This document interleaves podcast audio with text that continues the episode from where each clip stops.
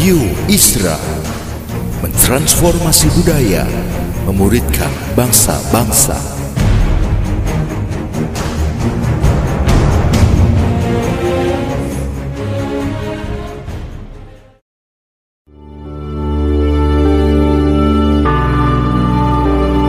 Apostolic Prophetic Messages mengungkapkan pesan dan arahan dari hati Tuhan bagi gerejanya demi menuntaskan mandat kerajaan Allah di Indonesia dan bangsa-bangsa. Selamat mendengarkan.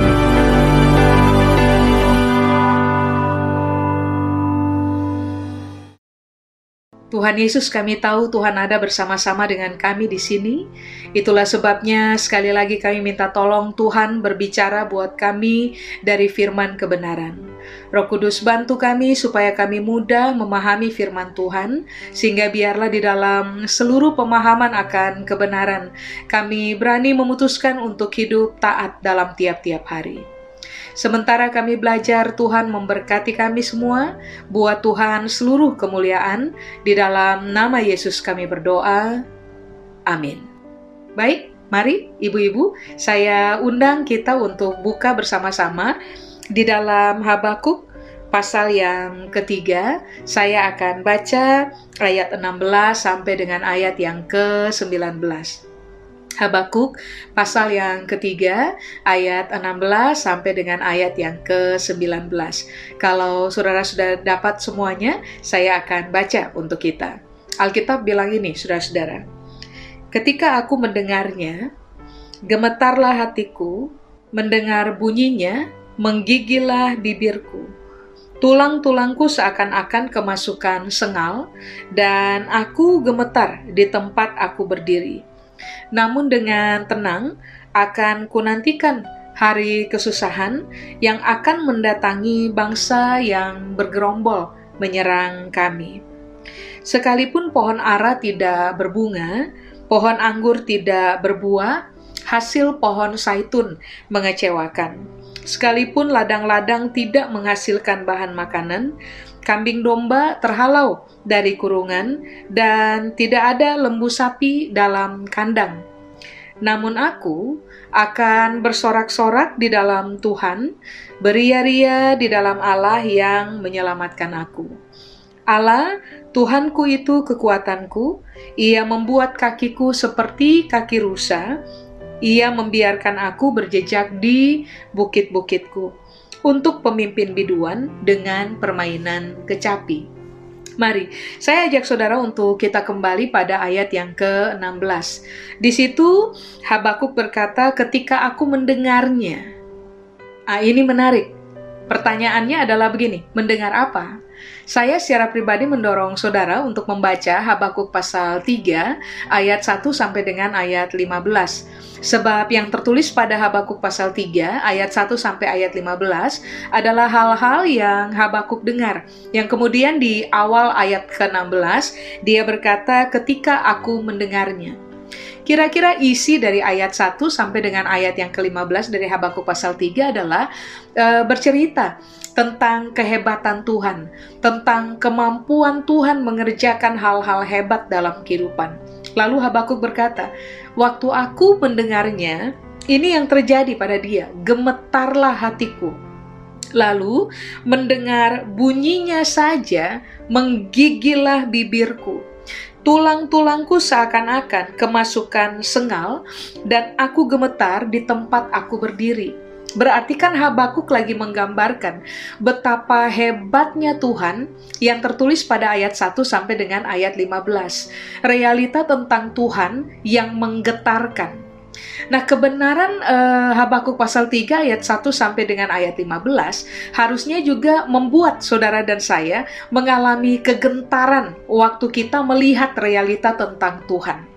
Uh, kita harusnya ada pada posisi sangat sadar tentang betapa hebatnya Tuhan dalam kehidupan dan tidak tertandingi oleh satu kuasa pun di dalam kehidupan ini.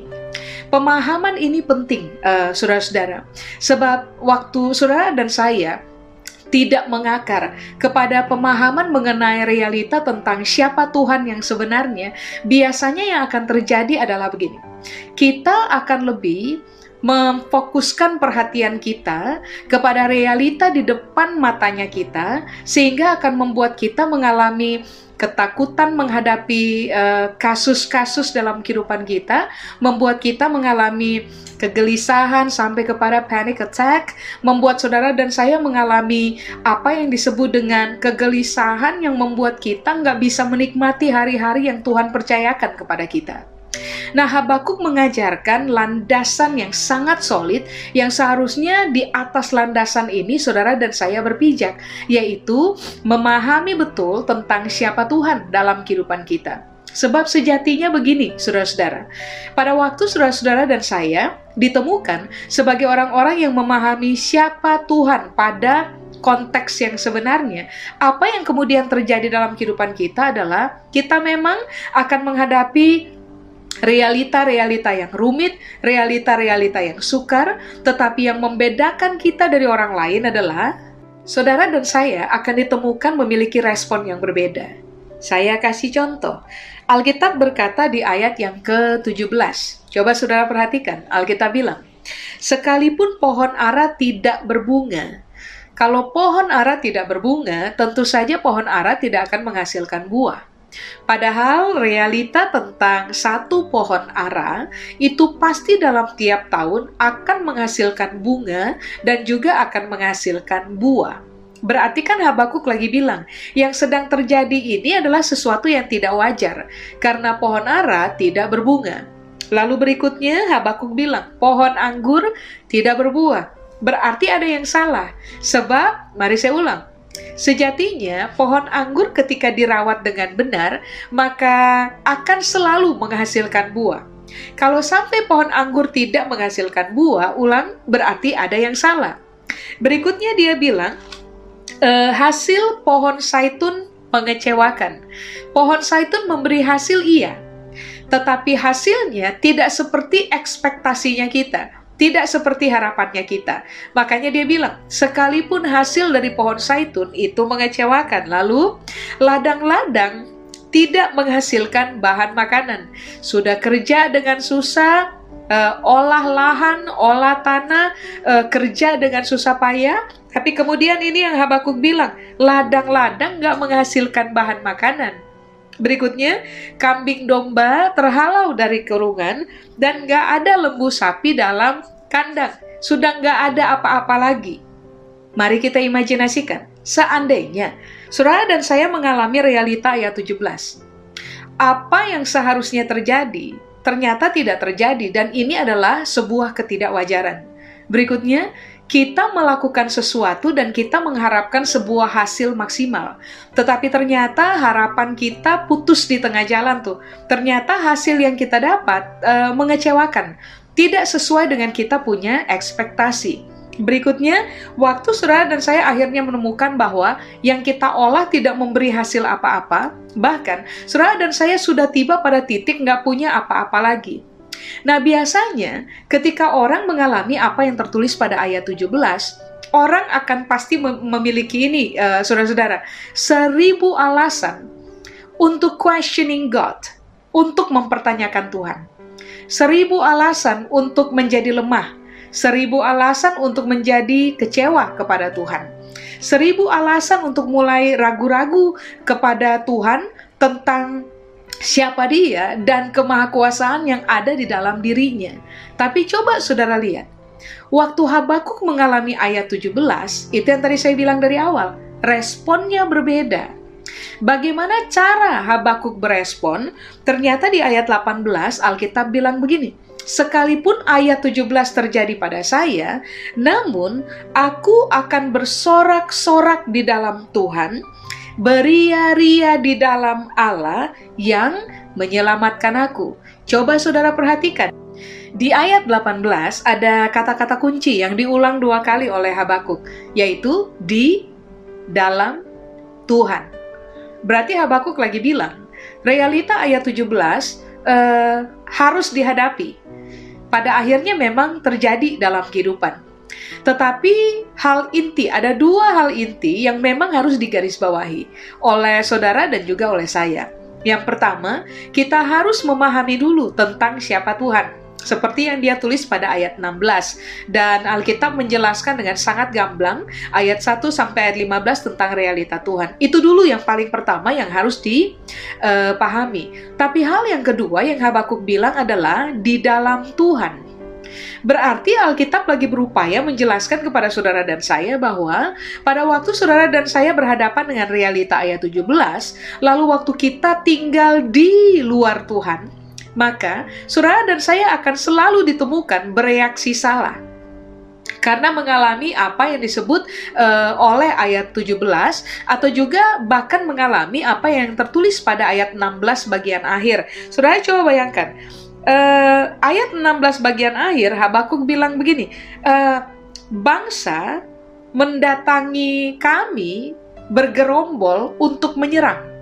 Nah itu kan posisi nggak enak. Tetapi coba saudara bayangkan di ayat 18 dia kasih tahu prinsipnya. Orang harus tinggal di dalam Tuhan. So, kalau orang tidak tinggal di dalam Tuhan, akan sukar bagi orang untuk berespon benar dengan cara bersorak-sorak di dalam Tuhan, lalu beria-ria di dalam Tuhan.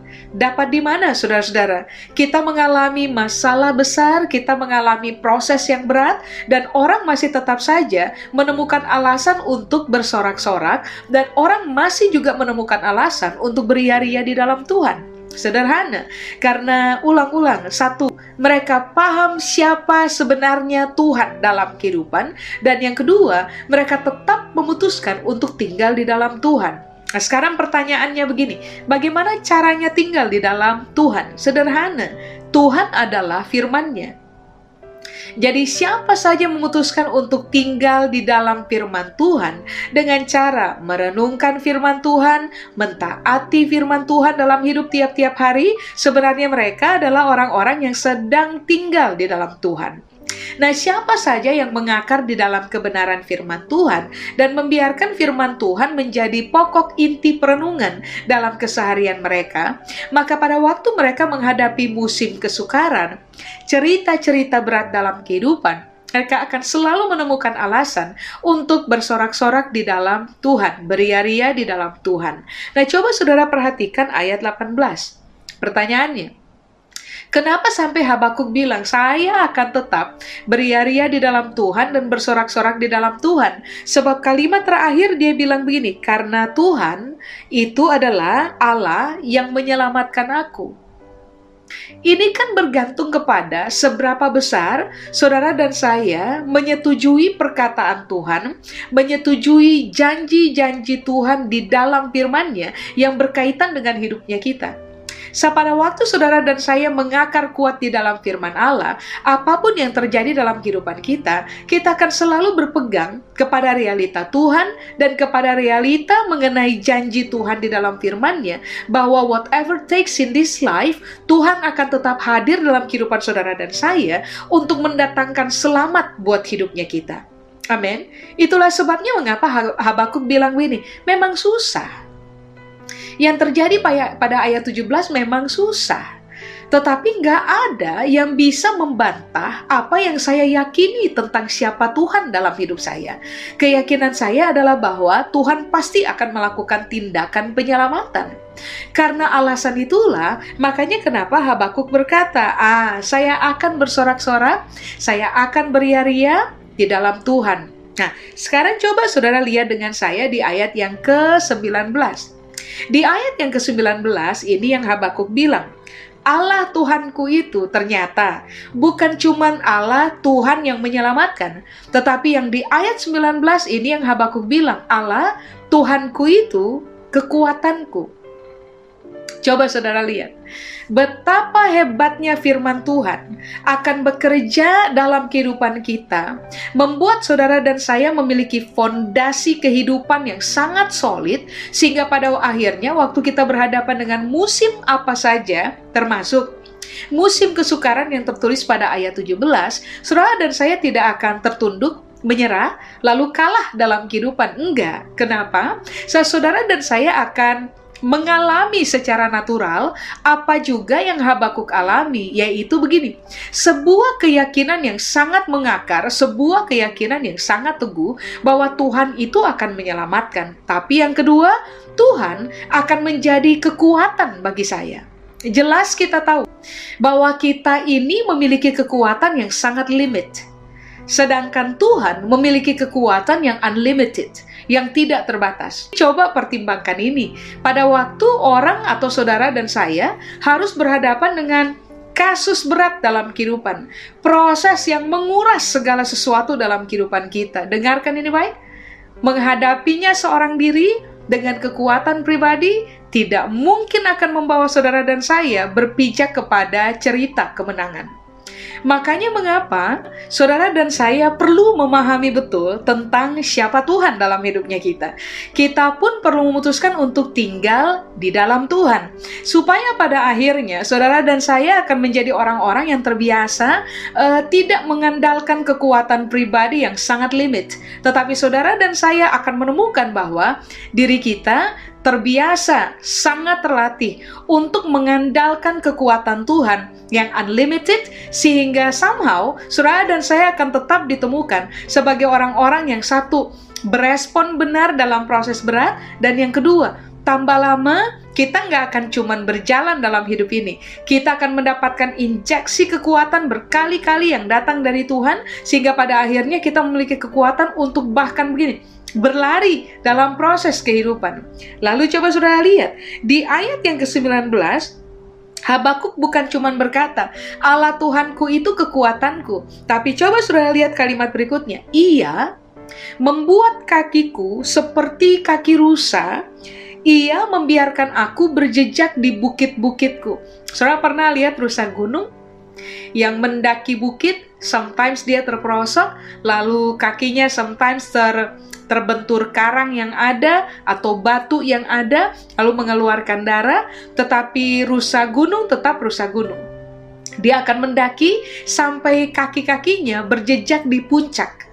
Itu ekspresi dari kekuatan, itu ekspresi dari kemenangan. Coba saudara bayangkan, tadi saya sudah bilang, semua orang yang memahami betul siapa Tuhan yang kita sembah, lalu semua orang yang tetap memutuskan untuk tinggal di dalam Tuhan, tinggal di dalam kekuatan firman-Nya, mereka akan ada pada posisi sekalipun tertekan sekalipun banyak uh, masalah, sekalipun beban itu berat harus kita pikul, tetapi somehow ada sukacita yang dikerjakan oleh roh di dalam kita, sehingga kita akan menghadapi proses dengan sukacita yang ilahi. Tapi yang kedua, saudara dan saya akan memperoleh kekuatan yang bersumber dari Tuhan, sebab Tuhan yang tidak terbatas telah berubah menjadi kekuatan dalam kehidupan saudara dan saya. Tapi yang ketiga, hal yang hebat berikutnya adalah Habakuk berkata, karena saya tinggal di dalam Tuhan, maka Tuhan injeksi kekuatan. Karena Tuhan injeksi kekuatan, maka saya akan selalu mengakhiri proses sebagai orang menang. Seperti rusa yang kakinya berjejak di bukit-bukit, menjadi orang-orang percaya yang terbiasa tahan banting dalam proses kehidupan, lalu kemudian kita juga akan terbiasa dikenal sebagai orang-orang yang memenangkan pertempuran macam apa saja, memenangkan proses apa saja yang memang harus diperhadapkan di depan matanya kita. Nah, kebenaran ini saudara dan saya harus menanamkannya dengan sangat solid di dalam pemahaman kita, supaya pada akhirnya, sekalipun kita menangis, eh, saudara-saudara, sekalipun kita harus pikul beban berat, tetapi kita tetap akan mengalami damai sejahtera di bagian dalam. Kita akan tetap tahu betul bahwa kisah ini tidak akan membuat saya gugur di tengah jalan. Proses berat ini tidak akan membuat saya menghilang atau menjauh dari Tuhan. Kisah ini saya akan menjalaninya baik-baik saja. Tuhan akan menyertai saya, dan saya akan mengakhiri kisah ini sebagai orang yang menang. Nah, keputusan ini penting tahukah saudara bahwa iblis dari dulu selalu berupaya menunggangi proses hidup berat untuk pada akhirnya menggiring saudara dan saya tiba kepada keadaan begini, meragukan Tuhan, mempertanyakan Tuhan, bahkan begini, mengutuk Tuhan untuk semua realita tidak menyenangkan yang harus saudara dan saya hadapi di depan matanya kita. Saya kasih contoh ya. Mari, saya ajak saudara-saudara untuk bisa buka bersama dengan saya dalam kitab Ayub pasal yang pertama. Saya menyarankan saudara nanti secara pribadi membaca ayat 11 sampai dengan ayat yang ke-21. Tentu saja karena keterbatasan waktu, saya tidak bisa membaca semuanya. Saya akan membaca ayatnya lompat-lompat ayat tertentu. Tapi mari saya undang saudara untuk lihat dengan saya Ayub pasal pertama ayat 11 sampai dengan ayat yang ke-21. Nah, Alkitab bilang ini di ayat 11. Iblis berkata, "Tetapi ulurkanlah tanganmu dan jamahlah segala yang dipunyainya. Ia pasti mengutuki engkau di hadapanmu." Kalau saudara punya Alkitab terjemahan bahasa Inggris, bahasa Inggris bilang begini, ia pasti akan mengutuki engkau tepat di depan wajahmu. Coba, saudara perhatikan. Iblis eh, agak panas tuh bahasa saya. Sewaktu dia datang eh, berhadapan dengan Tuhan, nah ini yang Tuhan kerjakan di hadapan iblis. Uh, promote Ayub. Ini yang Tuhan bilang hari itu untuk iblis. Kamu udah lihat hambaku Ayub? Orang laki-laki yang jujur, saleh, takut akan Tuhan, dan menjauhi kejahatan. Lalu kemudian uh, yang tadi saya bilang ini panas hati nih. Kemudian iblis berkata, ah ulurkan saja kamu punya tangan, kemudian jamalah segala sesuatu yang ia punya. Nanti lihat aja, dia pasti akan mengutuki engkau di depan, langsung di depan kamu punya wajah. Itu yang tadi saya bilang, saudara-saudara, bahwa situasi-situasi berat, proses-proses berat yang saudara dan saya harus menghadapinya kalau kita tidak ulang-ulang, kalau kita tidak memahami siapa Tuhan, kalau saudara dan saya tidak tinggal di dalam Tuhan dan tidak tinggal di dalam firman-Nya, maka saudara dan saya akan selalu memiliki seribu alasan atau let's say seribu satu alasan untuk marah sama Tuhan, questioning God. Bahkan ini yang yang iblis berupaya kerjakan tuh, tunggangi dalam kehidupan kita, membuat pada akhirnya saudara dan saya akan mengutuki Tuhan. Nah, mari saya jelaskan dulu kata mengutuki di situ dalam bahasa Ibrani menggunakan kata barak Kata barak itu ada beberapa pengertian. Di antaranya adalah begini, mengutuki itu sama dengan tidak memberi penghormatan kepada Tuhan. Mengutuki itu sama dengan tidak berlutut lagi di hadapan Tuhan. Mengutuki itu artinya tidak memuji Tuhan lagi. Atau yang terakhir, mengutuki itu sama dengan menghujat Tuhan. Nah, coba lihat. E, iblis lagi bilang, ambil aja ambil aja semua yang ada pada Ayub. Nanti engkau akan lihat bahwa dia tidak akan lagi pernah menghormati engkau. Dia tidak akan lagi berlutut di hadapan engkau. Dia tidak akan pernah lagi memuji engkau, bahkan dia akan menghujat engkau punya nama. Sudah? Itu tuh itu tuh ekspektasinya iblis tuh. Kalau sampai begini, proses berat harus dilepaskan untuk kemudian Ayub alami dalam hidup tiap-tiap hari. Sudah? Nah, saudara perhatikan ayat 12. Maka firman Tuhan kepada iblis, Nah, segala yang dipunyainya ada dalam kuasamu. Perhatikan kalimat berikutnya. Hanya, janganlah engkau mengulurkan tanganmu terhadap dia. Kemudian pergilah iblis dari hadapan Tuhan. Saudara perhatikan ayat 12 ya.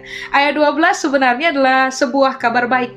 Kabar baiknya adalah begini sesusah-susahnya proses hidup yang saudara dan saya harus jalani di dalam perjalanan kita tiap-tiap hari. Lihat kalimat ini, Tuhan bilang, janganlah engkau mengulurkan tanganmu terhadap dia. Artinya, keberpihakan Tuhan itu masih untuk kita. Tuhan tidak pernah lepas tangan dalam kehidupan saudara dan saya. Dia akan tetap berpihak untuk saudara dan saya. Dia akan tetap mempertontonkan kualitas dari perlindungannya untuk hidup saudara dan saya. Makanya, kenapa tadi saya bilang dari awal, saudara dan saya harus paham betul Tuhan ini siapa. Lalu, saudara dan saya harus sangat terbiasa mengakar kuat di dalam firman Allah, tinggal di dalam Tuhan supaya pada akhirnya sekalipun kita bisa tuh menemukan seribu satu alasan untuk menyalahkan Tuhan atas proses berat, kita akan memutuskan untuk tidak melakukannya. Justru kita akan bersuka cita sebab kita tahu Tuhan akan menyelamatkan saya, Tuhan itu akan menjadi kekuatan bagi saya, Dia akan membuat saya meraih kemenangan di bagian paling akhir. Kita akan selalu berespon benar, tidak memenuhi ekspektasi dari iblis yang berupaya menunggangi masalah supaya pada akhirnya saudara dan saya pun terjebak kepada posisi ini mengutuki Tuhan. Sudah? Nah, coba saudara perhatikan. Langsung saja pada ayat 14. Sudah? Nah, di ayat 14 Alkitab bilang, "Datanglah seorang pesuruh kepada Ayub." Di ayat 14 kan? Nah, di ayat 14 dan di ayat 15 pesuruh yang pertama ini menjelaskan tentang tragedi pertama yang menimpa Ayub. Sudah? Kemudian di ayat yang ke-16 perhatikan. Sementara orang itu berbicara, berarti Alkitab bilang, pesuruh pertama lagi berbicara nih. Menyampaikan tragedi pertama, ini lagi ngomong nih. Tiba-tiba pesuruh yang kedua datang, lalu menyampaikan tragedi kedua. Ya, lalu di ayat 17. Di ayat 17 Alkitab ulang lagi. Sementara orang itu berbicara, berarti Alkitab bilang, sementara orang kedua lagi berbicara, menyampaikan masalah datang dalam hidupnya Ayub, eh orang ketiga datang untuk menceritakan masalah baru lagi. Sudah? Lalu di ayat 18, sementara orang yang ketiga sedang berbicara, orang yang keempat datang. Pesuruh yang keempat datang dan berita yang yang pesuruh keempat datang untuk bawa dan ceritakan kepada Ayub, ini bukan berita biasa berita yang akan membuat semua orang tua hancur hati, remuk di dalam. Beritanya adalah begini. Saya ringkas ya, saudara-saudara. Ini yang Alkitab bilang. Sepuluh anak yang Tuhan punya meninggal bersamaan di satu tempat. Imajinasikan saudara adalah Ayub. Mengalami tragedi satu, tragedi dua, tragedi tiga, tragedi empat. Tragedi yang bahkan tidak memberi kita waktu untuk bernapas. Tragedi yang datang bertubi-tubi, kasus, masalah, tekanan, proses berat yang datang bertubi-tubi, yang sepertinya nggak ada ampun buat kita, yang sepertinya nggak nggak kasih waktu bagi kita untuk bernapas tuh. Itu datang begitu rupa dengan sangat hebat dan yang paling memukul adalah 10 anak yang dia punya meninggal dalam waktu bersamaan. Mencermati tragedi pertama atau proses pertama, kisah tidak menyenangkan pertama, kedua, ketiga, dan keempat yang datang bertubi-tubi. Mari kita jujur dulu, saudara-saudara. Pada bagian ini, Saudara dan saya akan selalu bisa menemukan alasan untuk marah pada Tuhan, kecewa pada Tuhan, mempertanyakan Tuhan, bahkan berani memutuskan untuk meninggalkan Tuhan, atau bahkan menghujat Tuhan punya nama. Tapi mari kita lihat, apakah Ayub melakukannya? Secara begini, anaknya kita meninggal satu orang saja, itu udah bikin remuk. Apalagi bayangkan 10 orang, meninggal langsung tuh nggak minta izin, tiba-tiba aja, begitu aja, selesai. Mari kita lihat bagaimana cara Ayub berespon. Saudara bisa lihat dengan saya di ayat yang ke-20. Sudah ya? Nah Alkitab bilang, maka berdirilah Ayub, lalu mengoyak jubahnya dan mencukur kepalanya. Pada zaman Ayub hidup, apa yang dikerjakan oleh Ayub adalah perlambangan perkabungan tertinggi. Apa itu? Mengoyak jubah, mencukur kepala. Sudah? Apakah waktu dia berkabung, dia pada akhirnya mengerjakan seperti ekspektasinya iblis, yaitu menghujat Tuhan untuk apa yang sudah terjadi? Enggak loh, saudara-saudara, enggak loh. Di ayat 20 dalam posisi ber kabung tingkat tinggi. Ini yang kemudian Ayub kerjakan. Kemudian sujudlah ia dan menyembah. Kata menyembah di situ bahasa Ibrani menggunakan kata saha, saudara-saudara. Saha itu artinya adalah begini, bersujud, rebah, menyembah dengan rendah hati untuk menunjukkan penghormatan kepada Tuhan. Nah, sehingga tadi iblis bilang apa? Ambil aja semua yang ada padanya. Nanti lihat aja, dia pasti menghujat engkau. Apa tadi arti dari kata menghujat? Tidak menghormati engkau, tidak lagi memuji engkau, tidak menyembah engkau, lalu apa lagi? Uh, menghujat engkau. Tapi coba saudara lihat, responnya Ayub beda. Sekalipun dia berkabung, sangat berkabung, tetapi ini yang dia putuskan untuk kerjakan. Dia bersujud kepada Tuhan, dia merubahkan dirinya dan dalam kerendahan hati apa yang dia buat? Dia menyembah Tuhan untuk menunjukkan penghormatannya kepada Tuhan. Berarti ekspektasi iblis berhasil? Enggak, enggak saudara-saudara. Ekspektasi iblis gagal. Sebab kalau toh Ayub mau cari alasan untuk kecewa, marah kepada Tuhan dan meninggalkan Tuhan, Ayub punya banyak banget. Tetapi Ayub tidak melakukannya. Justru yang dia kerjakan adalah dia tetap memutuskan untuk menunjukkan penghormatan kepada Tuhan dalam sikap hati merendahkan diri. Sudah? Lalu perhatikan ayat 21, ini yang Ayub bilang. Dengan telanjang aku keluar dari kandungan ibuku. Dengan telanjang juga aku akan kembali kepadanya. Perhatikan. Tuhan yang memberi, Tuhan yang mengambil. Garis bawahi, terpujilah nama Tuhan. Apa tadi? Menghujat tadi apa? Tidak, iblis bilang, nanti lihat aja dia menghujat engkau. Menghujat tadi sama dengan tidak memuji Tuhan. Secara di ayat 20 Alkitab bilang, Ayub menyembah Tuhan. Menghormati Tuhan. Ayub bersujud kepada Tuhan. Sudah? Tapi di ayat yang ke-21 Alkitab bilang, Ayub memuji nama Tuhan. Sekalimat yang dia bilang adalah begini, terpujilah nama Tuhan. Sudah? Di ayat 22 Alkitab bilang, dalam kesemuanya itu, Ayub tidak berbuat dosa dan tidak menuduh Allah berbuat yang kurang patut. Kurang patut bahasa Ibrani menggunakan kata tipla. Kurang patut atau tipla itu artinya sama dengan bodoh jadi Alkitab bilang, Ayub nggak berbuat dosa. Dan untuk semua yang terjadi, Ayub tidak pernah menuduh Tuhan berbuat bodoh untuk hidupnya. Ayub tidak pernah berkata kepada Tuhan, apa yang sedang kau kerjakan Tuhan? Apa yang sedang kau kerjakan dalam saya punya hidup adalah sebuah kebodohan. Nah Ayub nggak pernah bilang gitu tuh.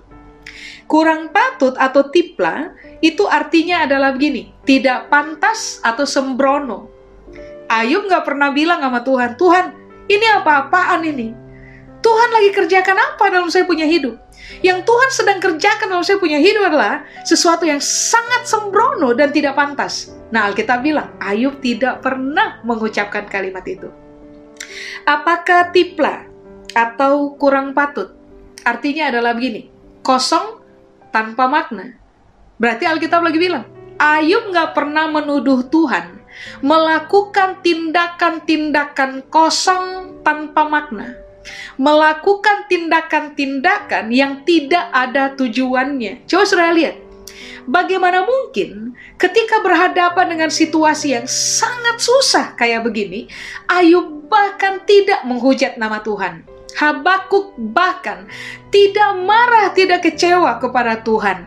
Karena ternyata begini, pemahaman mereka tentang siapa Tuhan itu telah menjadi sangat kuat. Mereka tahu betul siapa Tuhan yang mereka sembah, walaupun pada akhirnya Ayub dalam proses yang dia alami, dia menjadi semakin mengakar dalam pengenalan akan Tuhan. Tetapi pada intinya adalah begini, Habakuk tahu Tuhan itu siapa. Ayub juga tahu Tuhan itu siapa. Terbukti dari Ayub pernah keluarkan kalimat ini. Hanya dari kata orang saja aku mendengar tentang engkau. Berarti Ayub sudah tahu Tuhan itu siapa dari sejak awal. Begini, saudara-saudara, kita mendapat kesempatan yang sama untuk bisa mengenal Tuhan dari firman-Nya. Memahami tentang betapa hebatnya Tuhan dalam seluruh kemahakuasaannya. Tuhan yang bisa membuat jalan baru pada saat nggak ada jalan, Tuhan yang bisa uh, membuat orang lumpuh berjalan, buta melihat, tuli mendengar, Tuhan yang bisa membangkitkan orang dari kematian. Saudara dan saya telah mendengar realita tentang itu. Bahkan dalam kisah hidup kita, dalam proses hidup kita, Kali-kali kita telah ditolong oleh Tuhan dengan semua keajaiban yang Dia mampu kerjakan dalam kehidupan saudara dan saya. Seharusnya kebenaran ini mengakar kuat di dalam kita. Lalu, kita menjadi orang-orang yang tetap tinggal di dalam firman Allah. Kita tetap meyakini bahwa somehow Tuhan akan selamatkan saya. Somehow Tuhan akan injek kekuatannya supaya saya bisa kuat selesaikan ini proses sehingga pada akhirnya kaki saya sendiri akan berjejak di saya punya bukit-bukit. Saya akan ditemukan sebagai orang yang terbiasa memenangkan pertempuran dalam kehidupan. Baiklah kita memilih untuk mengerjakan hal yang sama seperti yang dikerjakan oleh Habakuk, dikerjakan oleh Ayub, supaya pada waktu kita menyelesaikan proses hidupnya kita dan kita ada pada posisi menang, Alkitab bilang, pada kita Tuhan tidak menemukan salah. Sebab pada waktu kita berhadapan dengan proses, kita akan tetap memilih untuk berespon dengan benar. Amin. Saudara-saudara, saya tidak tahu sedalam apa, seberat apa proses hidup yang saudara sedang jalani hari ini. Semengerikan apa tragedi yang sedang saudara hadapi hari ini. Tetapi ingat dengan baik, prinsip kebenaran dalam firman Allah yang kita pegang dengan teguh, itu akan menyelamatkan kita sampai kepada akhir dari pertandingan hidup kita. Baiklah saudara dan saya kembali hidup di dalam uh, Tuhan, di dalam firman-Nya, mengakar kuat di dalam pemahaman akan Tuhan, supaya pada akhirnya kita akan dikenal sebagai orang-orang yang terbiasa menang karena Tuhan berpihak buat kita. Amin.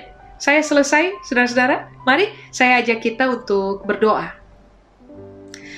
Tuhan Yesus kami berdoa biarlah seluruh kebenaran firman ini termeterai di dalam pemahaman kami, di dalam perenungan kami, supaya pada akhirnya kami dikenal bukan hanya sebagai pendengar-pendengar firman Allah, tetapi juga sebagai pelaku-pelaku firman Tuhan dalam keseharian. Saya berdoa untuk semua saudara yang sedang berjejak kaki pada cerita susah, berjejak kaki pada proses yang berat, berjejak kaki juga pada realita-realita tidak menyenangkan di depan mata. Hari ini biarlah firman Tuhan berubah menjadi kekuatan bagi kami masing-masing secara pribadi, kami menjadi semakin mengakar di dalam pemahaman akan siapa Tuhan yang sebenarnya, supaya biarlah kami secara leluasa membiarkan roh Allah mengerjakan sukacita di dalam kami, Firman Tuhan memberikan kekuatan di dalam kami, sehingga kami semua akan menjadi orang-orang yang tetap kuat menjalani proses dan berakhir keluar sebagai orang-orang yang berjejak kaki di atas bukit-bukitnya kami, terkenal sebagai pemenang dalam kasus kehidupan. Biarlah waktu kami menghadapi proses, kami tetap akan sujud menyembah Tuhan dengan kerendahan hati, menunjukkan penghormatan kami tetap kepada Tuhan. Kami akan tetap memuji Tuhan, kami akan tetap uh, memilih untuk tidak menghujat nama Tuhan, karena kami tahu Tuhan telah berlaku sangat baik untuk hidup kami, dan sampai kepada masa depan, Tuhan telah menyediakan hari depan yang gilang gemilang untuk kami nikmati bersama-sama. Kami akan tetap memilih untuk menghormati Tuhan dan menjalani proses ini dengan kepala tegak. Saat kami tahu kisah akhir dari proses ini adalah kami menang karena Tuhan berpihak buat hidup kami. Waktu kami taat kepada kebenaran, Tuhan memberkati kami. Kepada Tuhan seluruh kemuliaan. Di dalam nama Yesus kami berdoa. Amin. Tuhan memberkati saudara-saudara sekalian.